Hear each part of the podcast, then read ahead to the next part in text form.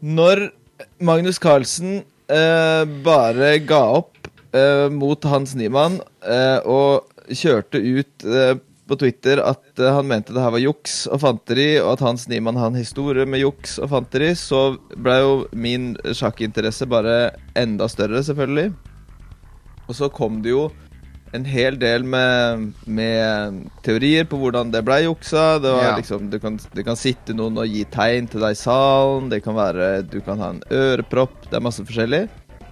Eh, men etter hvert som man graver, eh, og internett viser seg fra sin flotteste side, så har det jo kommet fram at den jeg vil si den mest plausible forklaringa på Hans Niemanns juks, vil jo jeg si som vitenskapsmann, det er at han har brukt et eller annet slags eh, vibrerende verktøy eh, plassert på eller i kroppen. Eh, som har da kommunisert hva som er en god stilling, eh, hvilke trekk som kan være bra, osv. Og har stimulert den til completion. Stimulert den til completion, ja. Ja. Til victory, rett og slett. Stimulert den til seier. Til seier i Ja. sjakk. Ja. Eh, og det har jo jeg Det her har jo jeg selvfølgelig eh, gjort eh, egne studier på. Field studies. yes, og jeg har også da tatt kontakt med mine kollegaer der ute i vitenskapsverden um, og eh, har spurt disse da hva de tenker rundt temaet. Um, og da tok jeg kontakt med uh, Ja, altså Noen vil kalle det um, internettbutikker. Eh, noen kaller det sexshopper. Det er sånn forskjellig. Det er i hvert fall vitenskapskolleger av meg, og de eh, har jeg da stilt spørsmålet eh, som er veldig enkelt. Eh, hvilke sexleketøy vil dere anbefale dersom det skal jukses i sjakk?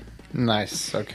Konge. Eh, og jeg har selvfølgelig fått svar, for det her er jo et tema som veldig mange er interessert i.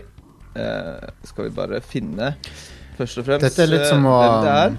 Er litt som å bruke aimbot i uh, FPS-er, på en måte. Ja. Ja, ja, ja. Det er det. Um, første som eh, svarte meg, det var uh, Maria Ebbestad fra nytelse.no. Å ja, ja, ja. uh, vitenskaps, vitenskapskjeden nytelse.no. Våre venner i nytelse.no. Yes, yes. Eh, og Maria, hun eh, er jo en som meg, som er veldig opptatt av eh, både fakta og det å komme til bånns i eh, saken. På, på, på, på flere måter, ja. På ja. flere måter. Eh, så hun eh, har da skrevet til meg Først så takker hun for at jeg tar kontakt, eh, selvfølgelig. Og skriver også at det her har de hatt mye gøy med eh, på kontoret.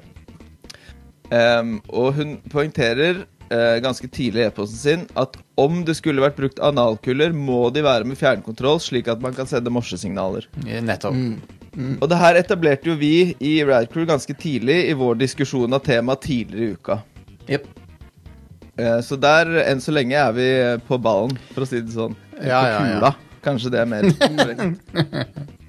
Em, det finnes selvsagt mange forskjellige leketøy som man kan gjøre det med, uh, men under har du et utvalg av de vi har. Eh, det, hun har også lagt ved da noen prostatavibratorer med fjernkontroll. Så da skal vi se på de forskjellige, og så tenker jeg at eh, vi kan diskutere oss gjennom. Ja, ja. Fantastisk. Um, vi begynner med en Nexus Quattro eh, vibrerende analkule. Mm. Um, det gir en ny dimensjon av analstimulering. De vibrerende ballene kan brukes internt og eksternt for å stimulere alle dine erogene soner. Ja ok. Qua Quattro er unisex. Det er positivt. Ja, ja, ja. Men jeg, Sjakk jeg ville jo sjakk håpet er at ikke bare en mannesport, det er også en kvinnesport. Jeg ville jo håpet at analkuler var unisex. Jo, men det er greit å poengtere det tenker jeg. Sant? Ja, Så at det ikke blir noe sånn Så blir det Det blir ikke noe spørsmål. Nei, det blir ikke noe spørsmål. um, kan brukes både vaginalt og analt. Har løkkehåndtak for enkel kontroll. Og så er det da funksjonene, da. Det er vel de vi er mest interessert i. Eh, syv vibrerende funksjoner. Tre motorer. Oi. Eh, kroppssikker silikon, det er greit i tilfelle allergier og sånn den slags.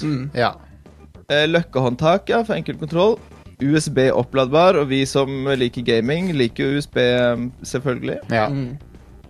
I tillegg er den vanntett. Kan senkes ned til 1 meter vann i 30 minutter.